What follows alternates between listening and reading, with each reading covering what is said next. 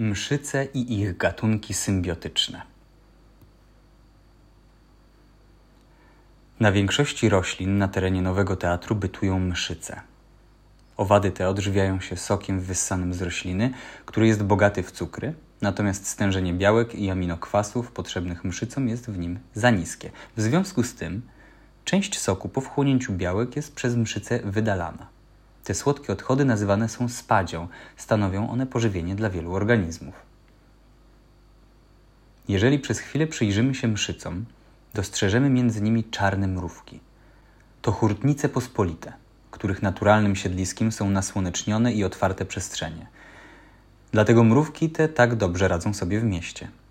Zbierają one od mszyc nadmiar soku roślinnego, będący ich głównym pokarmem. W zamian chronią mszyce przed drapieżnikami, przenosząc je na nowe rośliny, a nawet udostępniają im w zimie swoje gniazda. Na niezebranych przez mrówki opadłych na liście kroplach spadzi mogą z kolei rozwijać się grzyby sadzakowe. Ten symbiotyczny układ mrówek i mszyc jest wykorzystywany przez wiele drapieżników, z których najczęściej spotykanym na terenie Nowego Teatru jest biedronka azjatycka.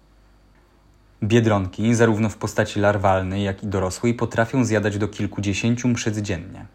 Dorosłe biedronki bronią się przed mrówkami, przywierając do powierzchni liścia w taki sposób, że mrówki nie są w stanie ich złapać żuwaczkami.